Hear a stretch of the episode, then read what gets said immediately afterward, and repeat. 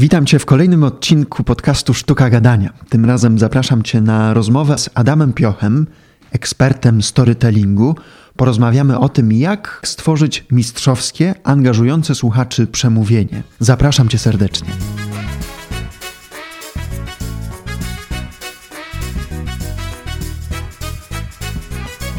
Witaj w Sztuce Gadania, czyli audycji o dogadywaniu się z innymi w różnych sytuacjach, a także o publicznych wystąpieniach. Zapraszam najlepszych ekspertów, a także dzielę się swoimi przemyśleniami na temat komunikacji. Nazywam się Krzysztof Jakubowski i zaczynamy!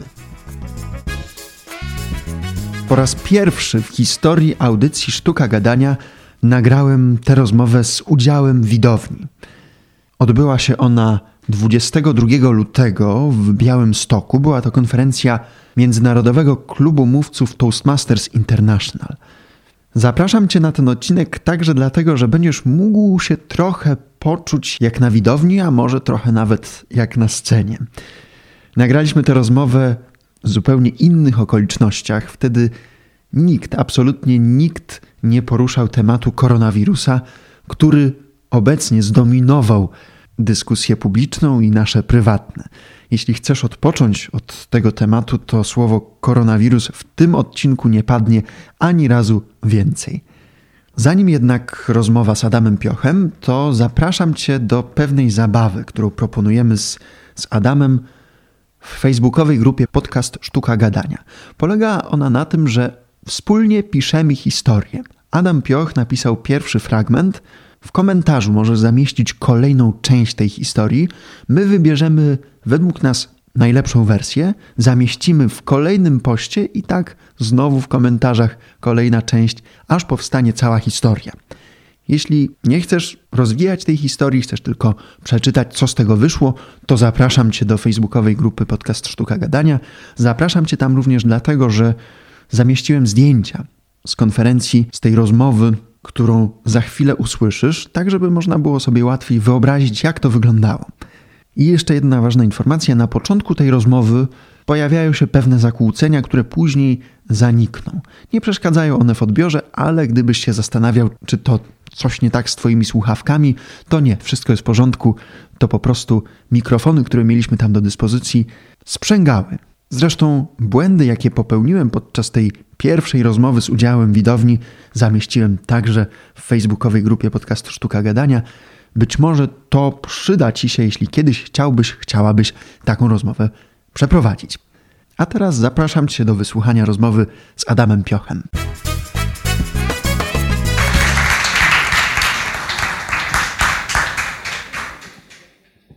Zapytany przeze mnie, co najbardziej kręci go w storytellingu, odpowiedział wywoływanie emocji u innych. I tę umiejętność opanował do perfekcji. A przecież my, jako widownia, uwielbiamy, kiedy wywoływane są w nas emocje. Największą przyjemność sprawia mu, kiedy po wystąpieniu słyszy Adam, to było straszne. Ekspert od storytellingu, numer jeden w Polsce, moim zdaniem, kolekcjoner wspomnień, wieloletni członek zaangażowany członek Toastmasters International. I zanim te dwa słowa powiem, dwa słowa, które są jego imieniem i nazwiskiem, to przypomnę, że trwa nagranie audycji. Po raz pierwszy w historii podcastu Sztuka Gadania nagranie odbywa się z udziałem widowni, czyli Was. Każde kaszlnięcie, każde trzaśnięcie drzwiami, każdy telefon komórkowy przejdzie do historii. Ale w tym odcinku specjalnym, oprócz mnie, gospodarzami jesteście także wy. Dlatego zadbajmy o jakość dźwięku, która mam nadzieję, że się nagrywa. I powstrzymajmy się od przypadkowych dźwięków, chyba że są to śmiechy lub oklaski dla naszego gościa. Co tu dużo mówić? Przed Wami Adam Pioch.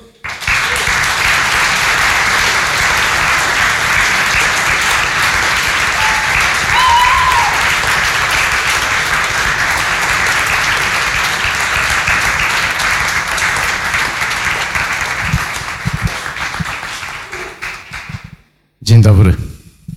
Zawahałem się przy tym kolekcjonerze wspomnień, cały czas sobie powtarzałem, żeby tylko nie powiedzieć kolekcjoner kości. I chciałem Cię o to zapytać, ponieważ nigdy Cię o to jeszcze nie zapytałem. Skąd się w ogóle wziął ten kolekcjoner wspomnień? Jakie wspomnienia kolekcjonujesz? Czy swoje, czy innych? Czy jesteś sentymentalny? Czy coś jednak ma to wspólnego z kolekcjonerem kości? Już jako młody człowiek zdałem sobie sprawę, że celem mojego życia jest, są tak naprawdę są wspomnienia, gromadzenie wspomnień i potem te miłe chwile, kiedy mogę posiedzieć i te wspomnienia sobie po prostu przywołać. Tak naprawdę myślałem kiedyś o nazwie kolekcjoner doświadczeń, ale wspomnień po prostu lepiej brzmi i stąd e, ten kolekcjoner wspomnień. Czy jestem sentymentalny? E, wbrew pozorom wspomnienia to jest też przekleństwo, dlatego że jak byłem młody, jak ja to mówię, e, to wspomnienia dawały mi niesamowitą przyjemność, a im mam tych lat więcej na liczniku, tym więcej mam też takich, e, jakby to nazwać, dróg, którymi mogłem pójść, a nie poszedłem i wspomnień, które nie zdobyłem, czyli takie marzenia, które mogłem zrealizować, a nie, nie zrealizowałem, takie wspomnienia nienabyte. I zaczynam czasem dość mocno żałować, że pewnych dróg, pewnych ścieżek nie przekroczyłem, nie poszedłem i nie doświadczyłem i owych wspomnień nie mam. Kiedyś tego nie miałem, ale właśnie im więcej tych lat mi przybywa, tym bardziej zaczynam też e, szukać wspomnień, które mogłem doświadczyć, a gdzieś mi na bok e, odeszły uwielbiam wspominać i myślę, że będę całe życie wspominał, ale tak naprawdę we wspomnieniach chodzi o to, żeby nie tylko samemu wspominać, ale przede wszystkim opowiadać innym ludziom. Opowiadać e, to, co się przeżyło, doświadczyło innym ludziom, zabierać ich też we wspólne podróże, doświadczenia, żeby także mogli przeżyć i, i zgromadzić swoje wspomnienia, bo wspomnienia to są takie mikroopowieści mikroopowieści, które każdy z nas w głowie gromadzi, po to, żeby właśnie je prędzej czy później przywoływać, żeby móc się do nich odnieść. No, musimy też o tym pamiętać, że wszystkie nasze wspomnienia, które gdzieś tam w sobie zgromadzimy, prędzej czy później, jak ostatni raz zamkniemy te oczy, no odejdą z nami. Podobno jeszcze raz na wielkim kolorowym e, ekranie HD zobaczymy te wszystkie wspomnienia, i nasze ciało, nasz mózg jest takim samym organem jak serce, prędzej czy później no, zgnije w trumnie i zamieni się w popiół i nasze wspomnienia przepadną. Jedyne, co po nas zostanie, to wspomnienia i opowieści, które ludzie noszą w swoich sercach. Dlatego czasem mówię, że kwintesencją mojego życia jest Opowiadaj, a potem stań się opowieścią. Tego też Wam życzę, żebyście opowiadali i kiedyś prędzej czy później stali się wspaniałymi, wspaniałymi opowieściami, wspaniałymi wspomnieniami w pamięci innych ludzi, bo jedyne, co po nas, po ludziach zostaje, to właśnie opowieści i wspomnienia. A przypomnij, co było pierwsze, Toastmasters czy kolekcjoner wspomnień? Pierwsze było Toastmasters chyba, jak dobrze pamiętam. Nie, nie. Pierwszy była, już, już zrobiłem blog, na którym zacząłem opisywać Toastmasters. To się chyba rodziło wspólnie gdzieś tam, bo, bo zastanawiałem się, o czym tworzyć bloga i wtedy właśnie połączyłem tego bloga, że było troszeczkę o wystąpieniach publicznych, troszeczkę było o networkingu, troszeczkę było o marketingu internetowym i, i, i, i to się tak jakoś wspólnie razem wspięło. Wiele dróg w życiu się po prostu połączyło i gdzieś tam tą drogą poszedłem. Wtedy nawet się nie spodziewałem, że droga Toastmasterowa e, będzie no, dla mnie taką bardzo ważną drogą w życiu, bo no, dość sporo namieszała. No i nadal jest. I właśnie chciałem Cię o to zapytać, bo Ty osiągnąłeś sukces i zarabiasz na swojej pasji, uczysz innych opowiadać historię. I dlaczego jesteś nadal w Toastmasters? Po co Ci to? Bo znam wiele przykładów, w których ktoś przyszedł, wziął co najlepsze, założył biznes w oparciu o te umiejętności, które nabył w Toastmasters i teraz go nie ma, nie ma czasu. A ty jesteś zaangażowany, jeździsz na konferencje, zakładasz kluby i uczestniczysz. Na początku tak może też nie było, bo jak tworzyliśmy Toastmasters, to były jeszcze czasy, bo ja zrobiłem pierwszy klub w Poznaniu, to było 13 lat temu. Słuchajcie, to były czasy, kiedy jeszcze nie było nawet naszej klasy. Więc, więc ten marketing był kompletnie inny niż wy dzisiaj robicie. Dzisiaj mamy Facebooki, Instagramy, całą masę serwisów społecznościowych, którymi możemy do ludzi łatwo i przede wszystkim tanio docierać. Myśmy takich możliwości nie mieli.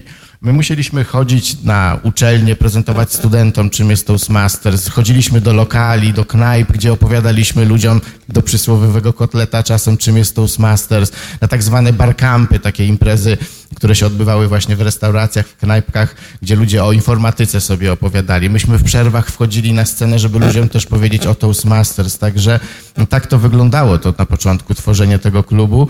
I dla nas ogromną rolę odegrał mail. Myśmy od każdego człowieka, który wchodził na salę, zbierali maila, a potem kilka dni przed spotkaniem wysyłaliśmy newsletter, w którym były zapowiedzi mów. Ale one były robione w takiej formie, jak to się robi, kiedy się wypuszcza zapowiedź filmu. Takie krótkie, najlepsze dwa, trzy zdania z mowy, najlepiej niedopowiedziane, które miały wywołać taką ochotę poznania tego, co będzie dalej, taką ciekawość miały wzbudzać. I myśmy tymi newsletterami właśnie tych ludzi na tą salę potem chcieli jeszcze raz, jeszcze raz, jeszcze raz zaprosić, nie? Potem te newslettery umarły na rzecz y, właśnie tutaj Facebooków i tego typu rzeczy.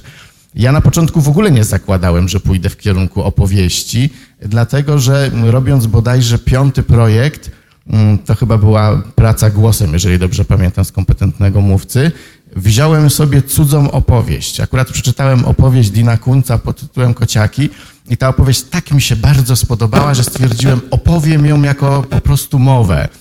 Wyszedłem na scenę, opowiedziałem tą mowę, którą przerobiłem jeszcze na polskie warunki, skróciłem, osadziłem wydarzenia bardziej w Polsce niż gdzieś tam w Stanach Zjednoczonych. I ta reakcja publiczności, którą doświadczyłem, ta niesamowita cisza, taka aż kująca, te pootwierane oczy, ten takie, tak jak Krzysztof powiedział, ten strach, to, to coś niesamowitego, sprawiło, że ja się zachęciłem do tego, żeby następną mowę wyjąć ze szufladki, czyli wziąć swoje opowiadanie i opowiedzieć swoją opowieść. Efekt był bardzo podobny. Efekt był bardzo podobny. Dało mi to tyle przyjemności i radości, że ja zacząłem opowiadać swoje opowieści. Do momentu, kiedy ktoś na Toastmasters w Poznaniu się mnie zapytał, Adam, czy może byś poprowadził warsztat stworzenia opowieści? Ja wtedy sobie zdałem sprawę, że przecież jak ja tworzę opowieści? Siadam do biurka i piszę. To, mam tylko tyle wam powiedzieć. To jest cała filozofia, jeżeli chodzi o tworzenie opowieści. I wtedy zadałem sobie pytanie, czy przypadkiem opowieści nie są bardzo dobrze przebadane, jakoś naukowo. No i poszedłem w ten temat właśnie taki, jak to jest skonstruowane, przebadane i okazało się, że opowieści są świetnie przebadane, dobrze rozpracowane schematy, wszystko co się dzieje w opowieściach, konstrukcje opowieści i zacząłem po prostu to bardzo mocno wchłaniać, uczyć się tego, aż do momentu, kiedy powiedziałem, jestem gotowy. Mogę zrobić warsztat ze, z storytellingu, z tworzenia opowieści. No i mój pierwszy warsztat to było TLI w Bydgoszczy na takiej malutkiej salce, kiedy pierwszy raz zrobiłem warsztat ze storytellingu, gdzie ludzie po ósmej minucie powiedzieli, że proszą o przerwę. Dlatego, że opowiedziałem opowieść o Ani i o psie, którą tutaj pewnie większość osób zna i niektóre osoby stwierdziły, że muszą, że tak powiem, y, odpuścić emocje wychodząc z sali i za chwilę wracając. A ja mówię, nie, lecimy dalej, przecież mamy jeszcze 40 minut. To jest zresztą na YouTubie też y, wrzucone, także to był mój pierwszy warsztat, warsztat storytellingu. A potem Potem mm, przyszła czterdziestka na liczniku, zaczęła mi się w głowie zmieniać chemia i stwierdziłem, że odcinam się od marketingu internetowego, tego wszystkiego, co robiłem na co dzień i mówię, zróbmy tak, jak piszą w książkach. Tak jak napisali w książkach, zacznij żyć z pasji. Więc ja się zastanowiłem, co jest tą pasją. No i wyszło mi, że dla mnie pasją jest tworzenie opowieści. Że bycie przy tych opowieściach i też uczenie ludzi, jak te opowieści skonstruować, więc mówię, spróbujmy. No i tak zacząłem bardzo kiepsko, bo to na początku kompletnie nie wychodziło, próbować sprzedawać szkolenia ze storytellingu. Im bardziej próbowałem je sprzedawać, tym mniej one się chciały sprzedać, nie?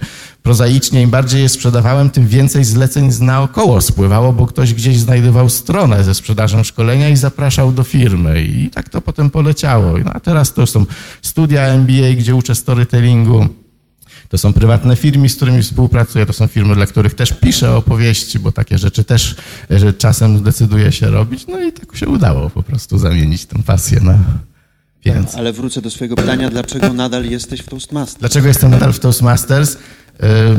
Ja miałem dwa kryzysy w Toastmasters. Pierwszy na samym początku, kiedy zacząłem wątpić w to, czy ta metodologia w ogóle działa bo jakby nie było, my się sami od siebie uczymy. My się obserwujemy, uczymy się od siebie. Tutaj nie przyjeżdżają jacyś trenerzy, którzy nas uczą.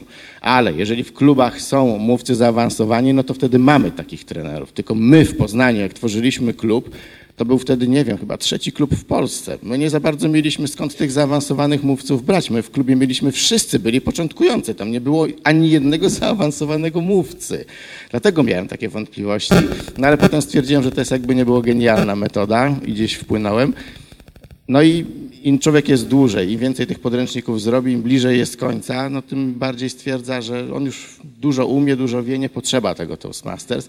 Ja się zrealizowałem w tym, że po pierwsze robię dużo warsztatów dla Toastmasters. Mam taką zasadę, że dla Toastmasters zawsze mam ten materiał, jak ja to mówię, premierowy, czyli nowy, jeszcze nigdzie nie pokazywany, nigdzie nie trenowany, więc różnie czasem wyjdzie, ale to jest też ta siła, że Potem zbieram cenny feedback.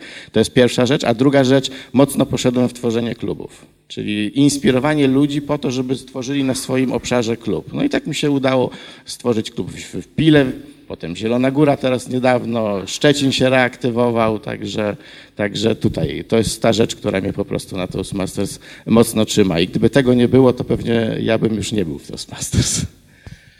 Przejdźmy teraz do tej, jak to mówią niektórzy, wiśniówki na torcie. Po to się spotkaliśmy, żeby porozmawiać o tym, jak tworzyć mistrzowską mowę angażującą słuchaczy. I przepraszam, ta wiśniówka mnie trochę wybiła. Zresetuj to. Przejdźmy do mięcha. Przejdźmy do mięcha, ale zanim przejdziemy do mięcha... Albo do warzyw. Tak, do warzyw. Chciałem cię zapytać, Czym jest dla Ciebie mistrzowska mowa? Do jakiego mistrzostwa powinniśmy dążyć, żeby można było nazwać naszą mowę mistrzowską? Może Ci jednak dam ten mikrofon. No, tak różnie działa. Wiesz co, to jest bardzo dobre pytanie do Ciebie. W końcu Ty jesteś mistrzem. ja jeszcze nie udało mi się nigdy zdobyć mistrzostwa w Toastmasters. Z mojego punktu widzenia, czym jest mistrzowska mowa? Sprzęgamy z którymś z głośników, tak mi się wydaje. Stąd ten, stąd ten efekt. Ja, ja odpowiem tak storytellingowo. Dla mnie mistrzowska mowa to jest taka, w ogóle ja dzielę mowy na dwa rodzaje. Według mnie dobra mowa to jest taka, którą jak wysłuchacie, to ją zapamiętacie. I, I, za chwilę na przerwie możecie o niej dyskutować, tydzień później też ją pamiętacie, pół roku później pamiętacie, o czym była mowa. To jest dla mnie zaledwie dobra mowa. A bardzo dobra mowa to jest taka, kiedy człowiek zapamięta tą mowę i chce ją powtórzyć dalej, chce o niej opowiadać dalej, chce ją przekazać dalej, czyli tej treść tej mowy po prostu przekazać dalej. I z mojego punktu widzenia storytellingowego za sukces w mowie, za sukces w opowieści odpowiadają emocje. Im mocniejsze emocje wzbudzicie, im bardziej skrajne ze sobą zestawicie emocje, tym ten moduł zapamiętywania w głowie lepiej zanotuje całą treść i wszystko, co się działo naokoło. Także dla mnie mowa jest dobra, kiedy po pierwsze jest dobra emocjonalnie. Druga sprawa, kiedy twórca mowy widzę, że się do niej przyłożył, czyli napisał, poprawił, poprawnie zastosował schemat opowieści, dobrze skonstruował bohatera na przykład w tej opowieści, bo mowy toastmasterowe, one mniej czy bardziej zawsze są opowieściami. Mniej czy bardziej jest ten bohater, albo wy jesteście bohaterem, który opowiada o swojej pracy, firmie, przygodach w życiu. Ewentualnie opowiadacie coś po prostu mm, no, w, tej, w trzeciej osobie, czyli wprowadzając jakiegoś e, bohatera tutaj na, na scenę. Także e, dla mnie dobra mowa to emocje i dobrze przygotowany ten schemat, ta warstwa e, opowieściowa. Najlepiej z tym czymś, co kochamy najbardziej, kiedy nasza klątwa wiedzy cały czas nam podpowiada, w którym kierunku pójdzie opowieść, a na końcu następuje przyjemne dla nas i uwielbiane chyba przez wszystkich zaskoczenie. Czyli to coś, co jest kwintesencją dobrej opowieści, dobrej książki, dobrego filmu. Wow, nie przewidziałem, super było. No i to było to coś, co też było w Twojej mowie rok temu. Nie? I ta kropka, czy ta wisienka na torcie, wiśniówka na torcie, jak to powiedziałeś, to było to coś, co sprawiało, że człowiek zapamiętuje i od razu wie, ten gość wygra. I wygrałeś. To teraz przejdźmy do tego, jak się taką mowę tworzy. Bo przygotowując się do tej rozmowy, przeanalizowałem, jak ty to robisz i stwierdziłem, że robię to prawie tak samo jak ty, ale zupełnie inaczej. Ale zaczyna się od pomysłu i wiele razy słyszałem w, w Toastmasters takie zdanie, że no wiesz, bardzo bym chciał, bardzo bym chciała wygłosić mowę, ale nie mam pomysłu. Czy ty też tak masz, że czasami nie masz pomysłu, a może masz ich mnóstwo, a może masz jakiś sposób na brak pomysłu? Y, wszystkie trzy rzeczy mi się zdarzają. Czasem nie mam pomysłu, czasem mam pomysł i mam sposób na pomysły. Także to, to warto te wszystkie trzy ścieżki eksplorować. Może się uda. Y, jak to jest? Ja ogólnie twierdzę, że o pomysły jest bardzo łatwo, bo naokoło nas się dzieje tyle rzeczy i w prasie, w gazetach, w internecie, że to jest tylko kwestia nastawienia się, że będę wychwytywał fajne tematy i przede wszystkim notowanie tego. Notowanie tego. Największym przyjacielem człowieka, który się zajmuje opowieściami, który w ogóle się zajmuje pisaniem, tworzeniem, to jest smartfon ale nie dlatego, że na nim można napisać, sfilmować i stworzyć opowieść, tylko dlatego, że to jest przegenialne narzędzie do notatek. Wy możecie na nim napisać, nagrać pomysł, sfilmować, zrobić zdjęcie, wszystko, co was zainspirowało. To są takie mikroweny. Nigdy nie czekajcie na dużą wenę. Duże weny przychodzą bardzo, bardzo rzadko. Kiedy siądą ci te piękne kobiety czy wspaniali mężczyźni na kolanku i do tego ucha szeptają opowieść, a ty tylko notujesz. To się zdarza rzadko.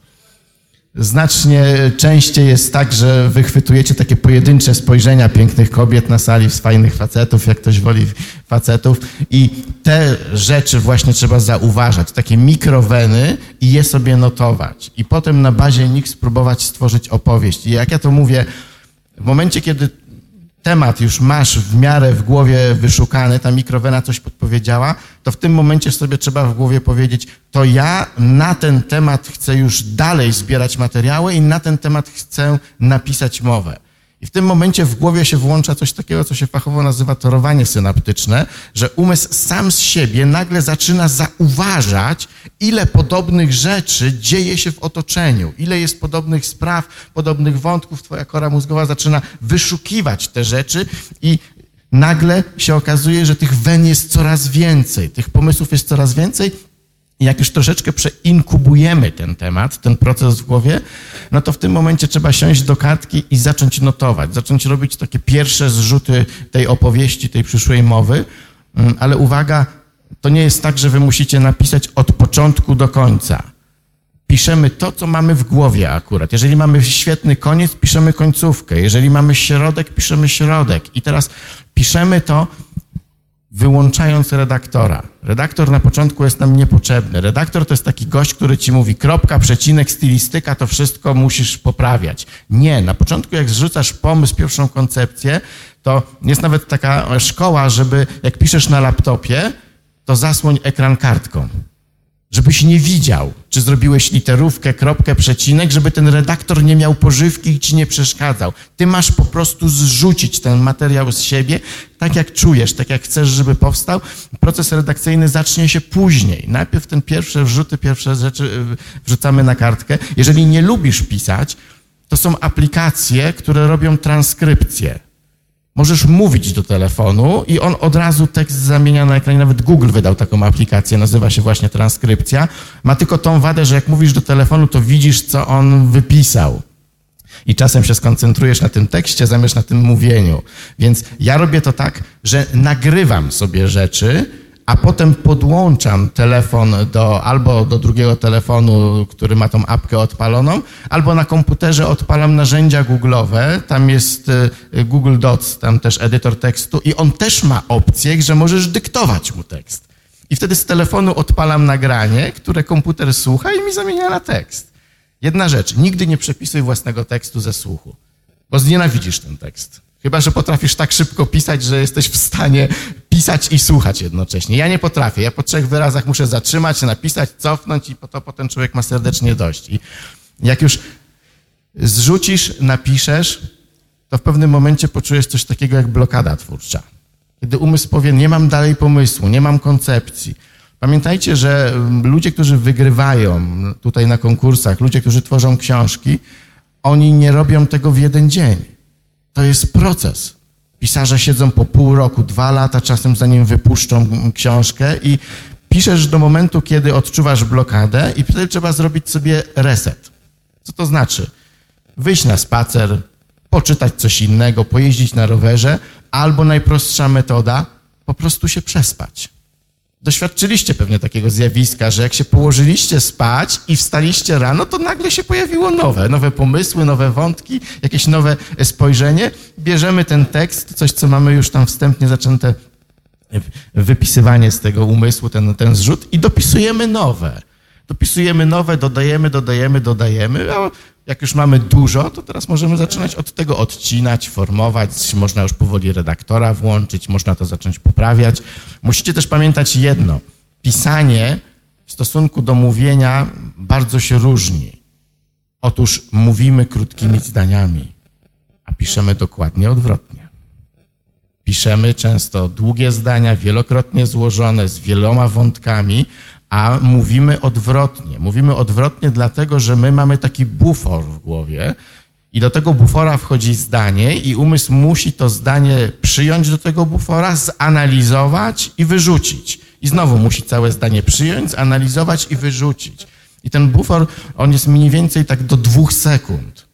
Do dwóch sekund. Jeżeli ktoś mówi zbyt długie, zbyt skomplikowane zdania, to zaczyna wasz umysł mieć problem z analizą takiego zdania, zaczyna się umysł męczyć, a przeciążony umysł przestanie słuchać, a umysł, który przestanie słuchać, zacznie się nudzić, a jak zacznie się nudzić, to zacznie sam sobie opowiadać inną opowieść. Bo to jest to coś, co my robimy, jak się nudzimy. Zaczynamy sobie snuć inną opowieść w głowie, zaczynamy sobie tam przesuwać swoje wspomnienia, wizje, jakieś tam rzeczy, ale już nie koncentrujemy się na mówcy. Także piszemy krótkimi, przepraszam, mówimy krótkimi, piszemy długimi. I teraz, jeżeli wy napiszecie mowę na kartce, to wy ją prawdopodobnie napisaliście długimi, wielokrotnie złożonymi zdaniami. I jeżeli teraz w swoim szaleństwie będziecie chcieli się tej mowy nauczyć na pamięć, bo niektórzy tak robią, co nie jest wbrew pozorom dobrą metodą, ale też warto ją czasem stosować, bo pewne zdania trzeba co do literki, że tak powiem, co do znaku powiedzieć, żeby dobrze wybrzmiały. To teraz wyjdziesz tutaj na scenę, w głowie masz wykute długie zdania i próbujesz mówić i twój umysł nagle się wpasowuje w wąską formatkę i próbuje te długie zdania skoncentrować do wąskiej i już ty masz problem przy mówieniu. W tym momencie jest bardzo łatwo o czarną dziurę, o wpadkę, że coś ci się pochrzani, zapomnisz i się w, no po prostu wykolebiesz tutaj na scenie, ale najgorsze jest to, że jeżeli jakimś cudem uda ci się te wielkie, długie zdania wyrecytować z pamięci, to twój słuchacz, on był też w krótkiej formatce. On chciał słuchać krótkich zdań, a ty mu serwowałeś długie, nieprzystępne, mało zrozumiałe, ciężkie do zanalizowania zdania. Dlatego pisząc mowy, jeżeli piszecie w Wordzie, Word to jest program do pisania dokumentów biurowych, są specjalne edytory dla pisarzy, są specjalne edytory dla ludzi, którzy tworzą e, opowieści. Warto się zainteresować, one kompletnie inaczej działają. One wspierają proces tworzenia właśnie opowieści. To ustawcie sobie w Wordzie marginesy tak, żeby mniej więcej po 50 znaku pisania kursor spadał do nowej linii. To jest dla ciebie znak, że jak kursor spadł do nowej linii, to co ty musisz zrobić ze zdaniem? Zakończyć. I teraz weź je przeczytaj i spróbuj podzielić jeszcze na dwa mniejsze. I czasem się jeszcze uda, bo krótkie zdania to proste zdania. A proste zdania to jest łatwość poznawcza dla widowni, która siedzi, słucha i się rozkoszuje tym, co do niej płynie i nie musi się bardzo mocno ciężko wysilać, żeby analizować te rzeczy. I w ten sposób dochodzimy, czyli Przepisujemy, powtarzamy, przepisujemy te, te mowy. Nagrywam też mowy po to, żeby posłuchać, jak brzmią, bo inaczej mowa brzmi, jak jest e, e, odsłuchiwana przez uszy. Daję też komuś, żeby on dla mnie ją nagrał, żebym posłuchał, jak ta, jak ta mowa brzmi. Czyli ten taki proces e, twórczy, taki proces pisania tej kreatywności. Stephen King twierdzi, że przepisuje swoje książki 18-20 e, razy nawet. To nie jest tak, że oddechy do dechy całą książkę, tylko każdy rozdział, nad którym pracuje, x razy przepiszę. Ja tak samo wielokrotnie przepisuję mowy, żeby je dopieszczać, poprawiać i wyrzucam słówka i ten proces trwa, no wbrew pozorom dość, dość długo trwa. I zmieniajcie medium. Zmiana medium jest potrzebna. Jeżeli pisałeś na ekranie e, komputera, to teraz ustaw sobie interlinię jakąś tam na przykład podwójną, żebyś po wydruku miał miejsce na notatki między zdaniami. Usiądź teraz w fotelu i popisz chwilę ręcznie. Jeżeli pisałeś ręcznie, zmień medium, usiądź do komputera i przepisz. Zmiana medium to jest też inny sposób pracy umysłu i od razu przy przepisywaniu też poprawisz zdania, zmodyfikujesz, znowu coś dodasz, znowu coś y, poprawisz. I wielokrotnie, że tak powiem, powtarzam gdzieś ten, ten proces, aż aż to coś, co na końcu się tam rodzi, jest dopieszczone na tyle, że mu wchodzę w drugi etap, kiedy koncentruję się już tylko na tym, żeby opanować tą mowę tak, żeby ją wygłosić. No i wtedy wchodzimy w drugi etap, który też ma swoje kroki. Nie? Właśnie, chciałbym uchwycić ten moment, w którym mowa przestaje być tekstem, a zaczyna być mową. Jak on wygląda, kiedy już wiesz, że możesz ją mówić, a nie ciągle przepisywać na nowo? Ja patrzę na to wizualnie. Jeżeli widzę na kartce krótkie akapity, i jest ich dość sporo. Wszystko już jest ładnie, już tak powiem, wizualnie rozmieszczone. Dwa zdania są króciutkie, jest frajda z czytania, jest frajda z posłuchania tej, tej mowy, jak się ją też odsłuchuje po nagraniu, to wtedy już wiem, że jestem w momencie, kiedy mogę się jej zacząć po prostu, no nazwijmy to uczyć, przygotowywać do wygłoszenia, ale tak jak powiedziałem, nauka na pamięć to jest zły sposób. Częściowo można to wykorzystać, ale lepiej robić inne kroki. I teraz jak ja taką mowę opanowuję, ja robię to na dwa sposoby. Robię nagranie. Jedno nagranie robię takie, że po prostu mam tak przeczytaną tą mowę, jakbym chciał ją wygłosić po prostu na scenie. Czyli wtedy w samochodzie sobie ją odtwarzam na przykład, czy jak idę pobiegać, to sobie ją sobie dwa razy odtworzę i, i staram się z tym osłuchać. Drugie nagranie robię tak samo, z tym, że jedno zdanie mówię na głos, a potem to samo zdanie powtarzam sobie w myślach. I znowu Kolejne zdanie mówię na głos i to samo zdanie powtarzam w myślach. Przez to na nagraniu mam zdanie, które mówię głośno i ciszę. Zdanie, które mówię głośno i ciszę. I w momencie, kiedy jest ta cisza, to ja w tym momencie to mówię na żywo, na przykład jak biegnę, czy jadę w samochodzie, czyli odsłuchuję zdanie i sobie je powtarzam na żywo w samochodzie. I pod te, te cisze mi są potrzebne, żebym mógł tą swoją e, powtórkę tutaj zrobić. No i zaczynam przygotowywać taką mowę. Kolejną rzecz, którą robię, to rysuję z mowy komiks. Po prostu zamieniam mowę na serię obrazków. Dlatego, że my myślimy obrazami i nam łatwiej jest zapamiętać gdzieś obrazy. Rysuję sobie te obrazy tak, jak po prostu je czuję, tak jak potrafię narysować. Nie jestem plastykiem, nie jestem e, człowiekiem, który pięknie rysuje, ale mi te rysunki wystarczają. Ja potem zapamiętuję te obrazki, po których chcę przejść, bo jak już mam mowę wygłosić, to częściowo ją pamiętam, częściowo widzę obraz w głowie, częściowo wiem, jakie są kamile, kam, kamienie milowe, przez które chcę przejść, przez które mój bohater przejdzie. No i po prostu tą mowę e, sobie szlifuję. Mm, w momencie, kiedy już stwierdzam, że jest na tyle dobrze, że mogę zacząć ją wygłaszać z pamięci, no to wtedy zaczynam pracę z lustrem, z kamerą, z tego typu zabawkami, gdzie, gdzie po prostu się patrzę na siebie. Nie lubię tego etapu, bo mi to ciężko przychodzi, kiedy sam do siebie mówię w lustrze. Nie lubię też etapu z kamerą, bo jak tutaj to jej nie widzę, nie czuję, ale w domu to te oczko stoi i też jest wkurzające po prostu.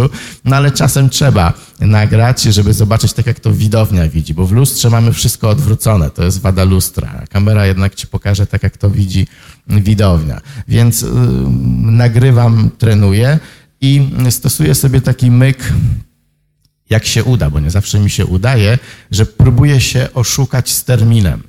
Czyli jeżeli mowę mam na przykład na 20 zaplanowaną, czy tam, no tam załóżmy 20, to ja się oszukuję, że moja mowa jest na 10, musi być perfekcyjnie zrobiona. I 10 robię sobie wewnętrznie w domu, że tak powiem, konkurs, czyli wychodzę, sprawdzam się i mówię tak, jakbym to powiedział już na sali, nie? I, i się do tego przygotowuję, robię sobie to, a potem, potem sobie robię błogą przerwę. Odpuszczam totalnie. Przez 2, 3, 4 dni w ogóle nie zaglądam do mowy nie czytam, nie myślę o niej, zostawiam głowie to, żeby ona sobie to tam poukładała, posortowała, powkładała i się z rozkoszą zajęła czymś innym po tym całym procesie.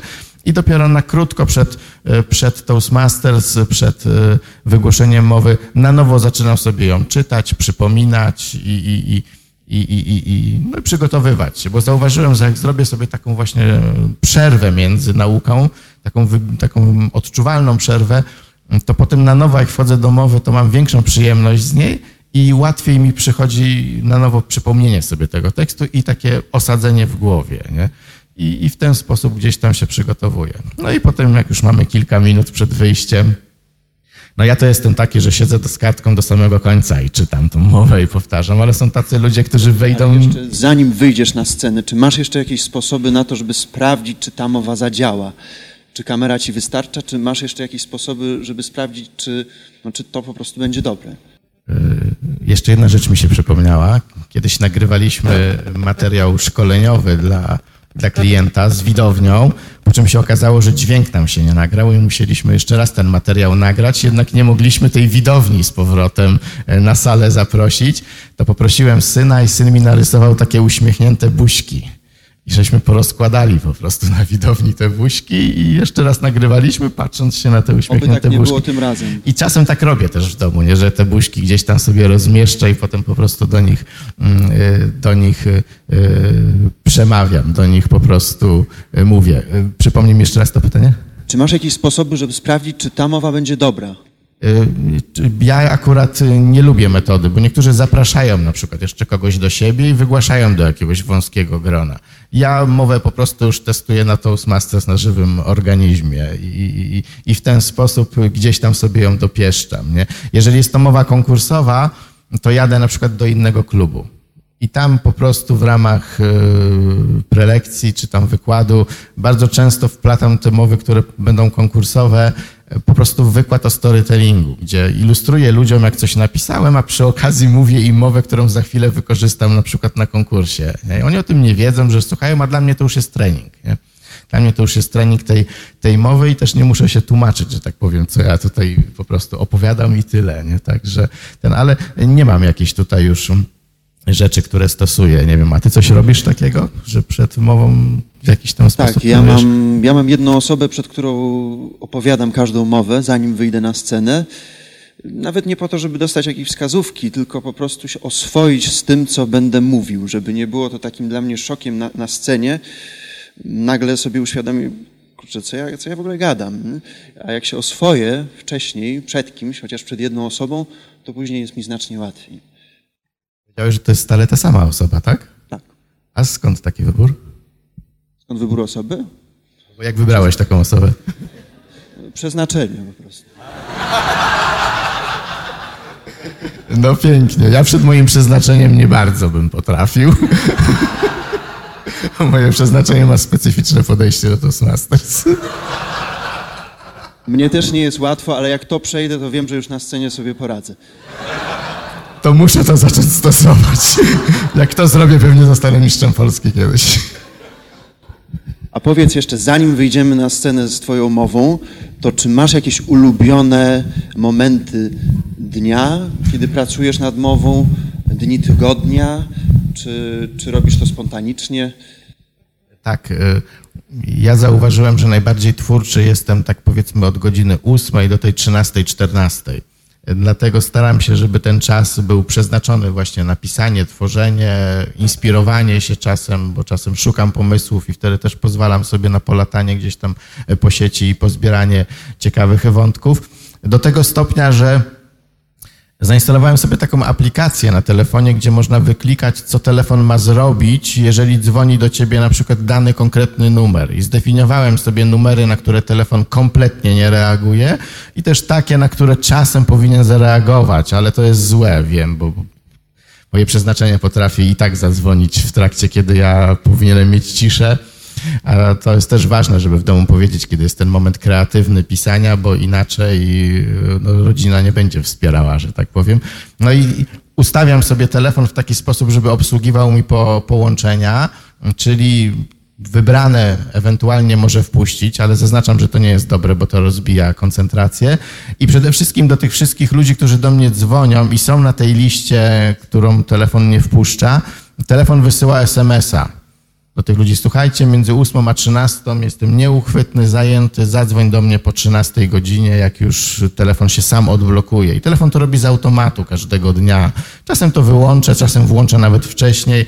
I już nawet nie myślę o tym. Po prostu siadam i wiem, że to jest ten moment ciszy, kiedy dzieci są w szkole, kiedy ja jestem sam w domu z psem i mogę sobie spokojnie po prostu posiedzieć, popisać, potworzyć i poza listonoszem nikt raczej mi nie przeszkodzi. A nie ma nic gorszego, jak człowiek jest w tym świecie twórczym, i nagle ktoś dzwoni, czy tam, no jeszcze jest problem z wszystkimi messengerami, gadu-gadu i tego typu sprzęty, jeżeli macie na komputerze. To też trzeba tam w Windowsie uznaczyć, że macie tryb kreatywny, żeby on wszystkie powiadomienia wycinał, nie? bo tak można też w systemie ustawić i wtedy macie spokój, nic ci nie wyskoczy i nic nie hałasuje. No i jestem ja i kartka. Nie? I tak jak mówiłem, nie piszę w Wordzie, tylko w specyficznych narzędziach do pisania, bo jest wtedy przyjemniej. A jak długo trwa ten proces? Od pomysłu do wygłoszenia, na ogół?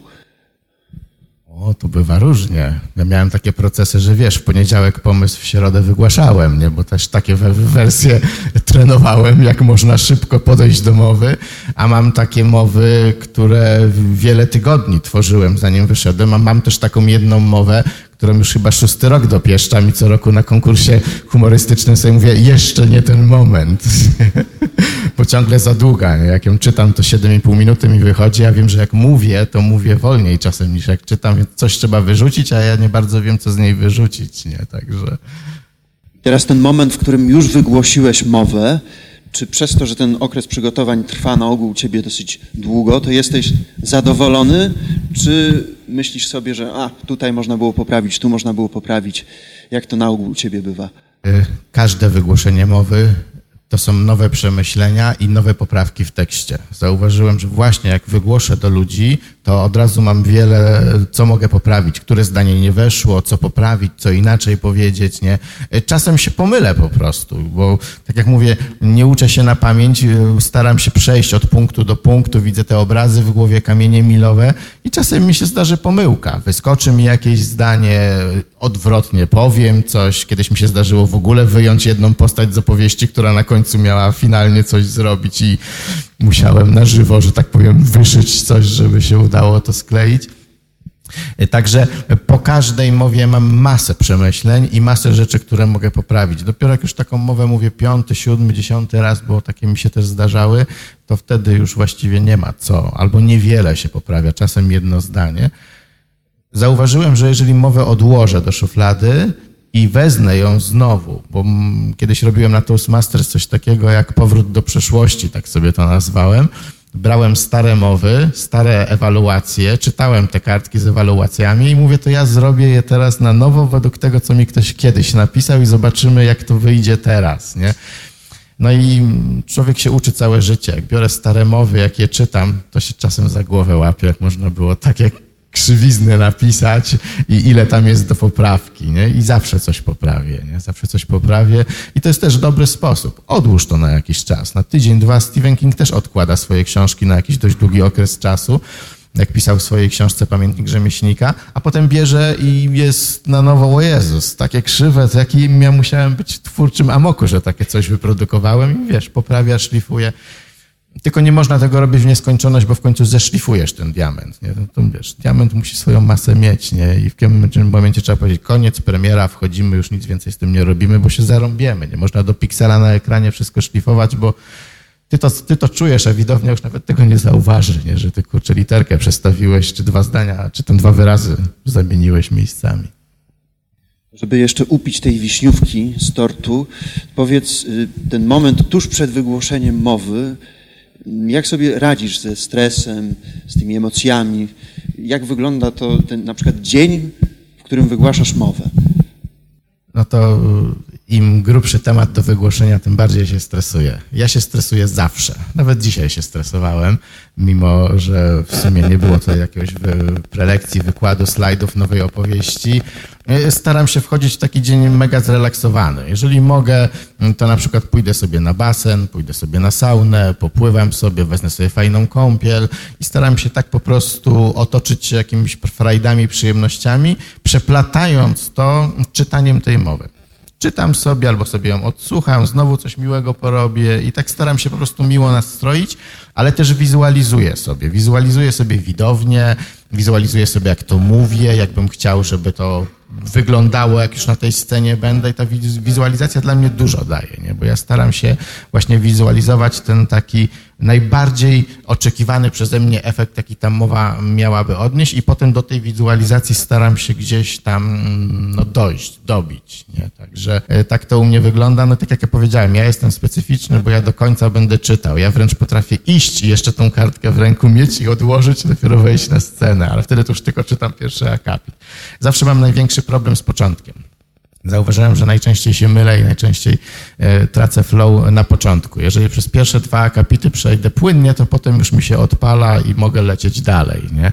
Chociaż kiedyś e, e, w Poznaniu na konkursie doświadczyłem efektu czarnej dziury. Nie wiem, czy wy już doświadczyliście efektu czarnej dziury. To jest moment, kiedy zapominasz wszystko totalnie zapominasz wszystko. Nie jesteś w stanie sobie przez chwilę totalnie nic przypomnieć i trzeba to ograć w jakiś sposób. Ja uważam, że Toastmasters raz w życiu, Toastmaster raz w życiu musi takie coś przeżyć, bo to jest celna lekcja poznania, co się dzieje w organizmie, e, zanim to nastąpi. Jakie, bo jak już doświadczysz czarnej dziury, to wiesz, jakie były symptomy.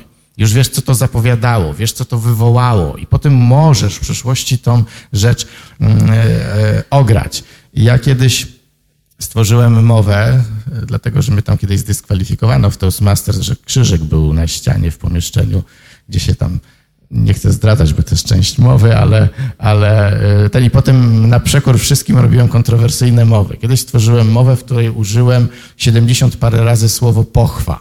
Na różne sposoby mówiłem o pochwie po prostu, ale to było dla mnie wyzwanie mówić taką mowę. No i w pewnym momencie w tej mowie przyszła czarna dziura tak potężna,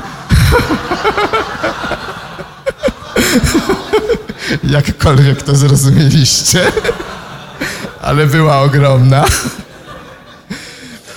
że e, czuję, że w buforze mam ostatnie dwa zdania i jest no, ciemność, nie ma nic. Stoję na scenie i w tym momencie mi się przypomina filmik, jak kiedyś Samsung robił premierę e, smartfona Galaxy i zaprosili reżysera Transformersów. Nie wiem, czy widzieliście ten motyw.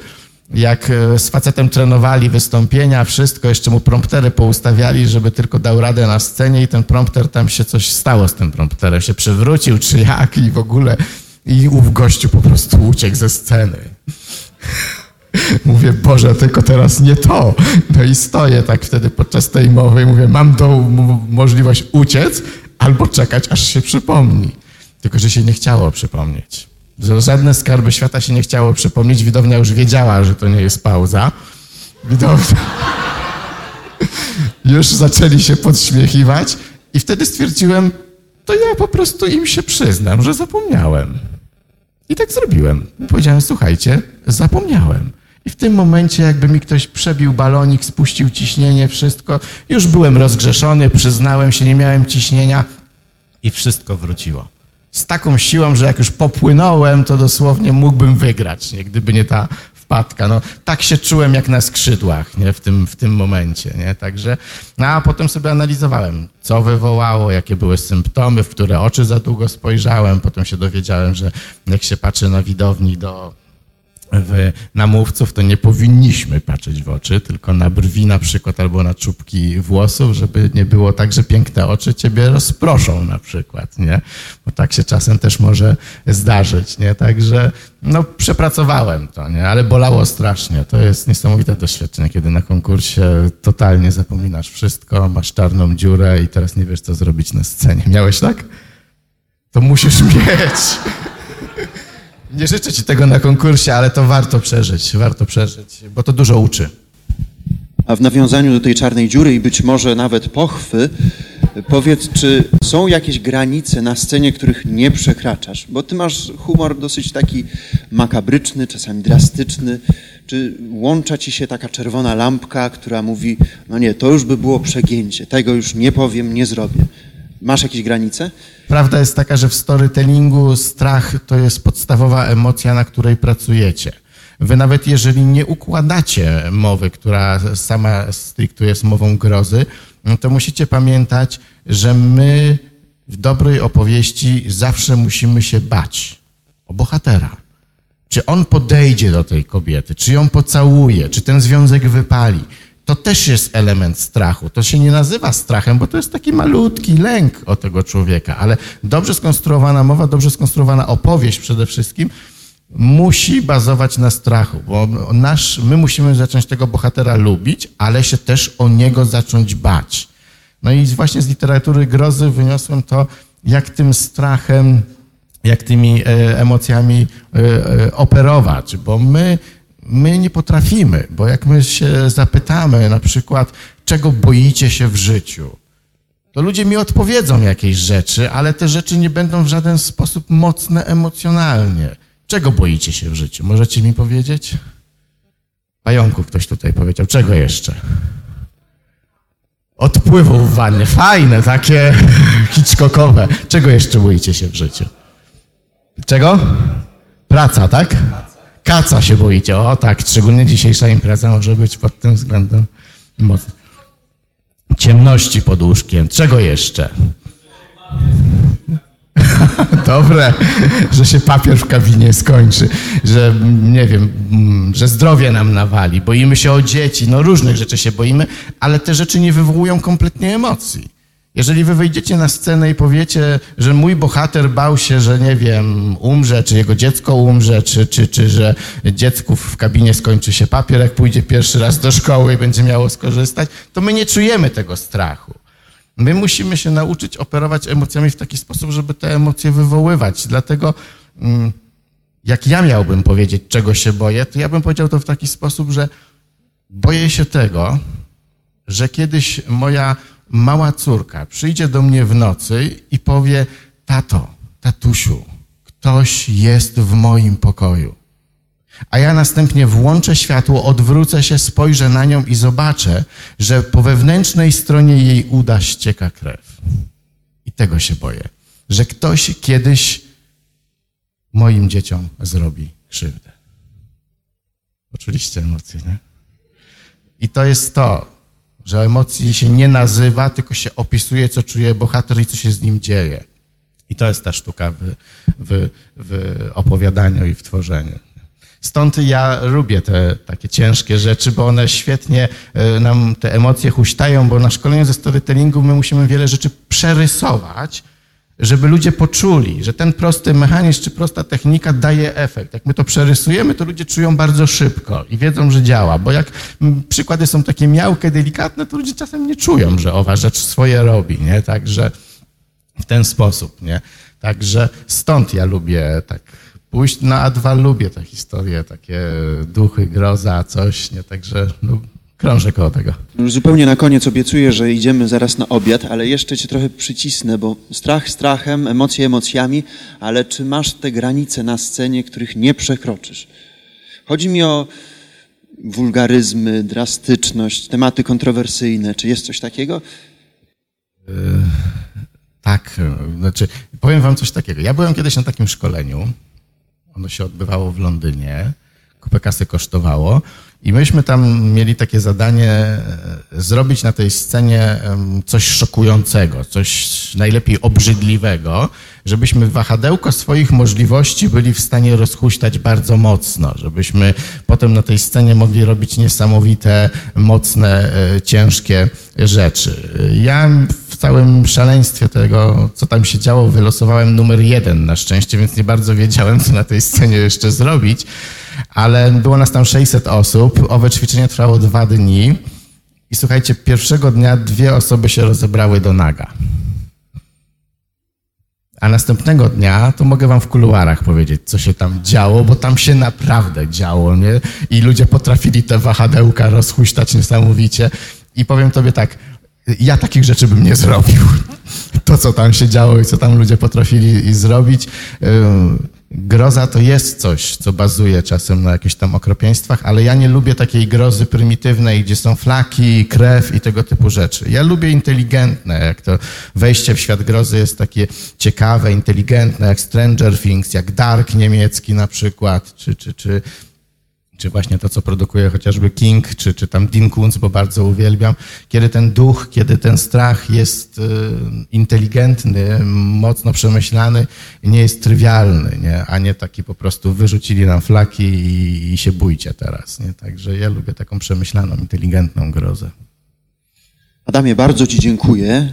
Jeszcze sobie zrobimy z Wami zdjęcie, selfie, dobrze, jeśli się zgodzicie. A tylko dodam, że to nie jest nasze pierwsze spotkanie podcastowe. Nagraliśmy już odcinek bodajże 30, w którym rozmawialiśmy o opowieściach wirusowych, czyli jak tworzyć opowieści, które później są przekazywane z ust do ust. Gorąco Wam polecam ten odcinek, wszystkie poprzednie, jak i kolejne, chociażby ten, który właśnie nagrywamy. Wam również bardzo dziękuję. Jeszcze tylko szybko zdjęcie i idziemy na obiad. Ja również dziękuję. I pamiętajcie, opowiadajcie i stańcie się opowieścią.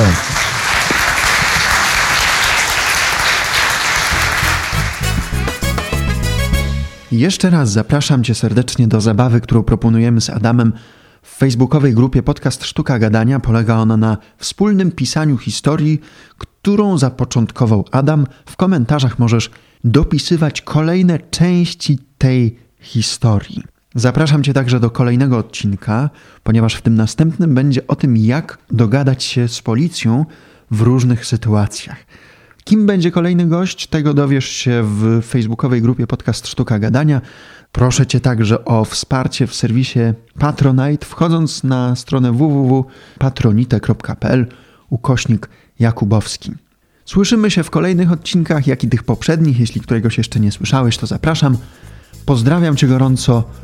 Trzymaj się. Mam nadzieję, że się trzymasz w tym dosyć specyficznym czasie. Jeśli słuchasz tego po latach, to zobacz, co się działo w momencie premiery tego odcinka. No, jest to dosyć czas specyficzny, ale damy sobie radę. Życzę Ci wszystkiego dobrego. Krzysztof Jakubowski, do usłyszenia.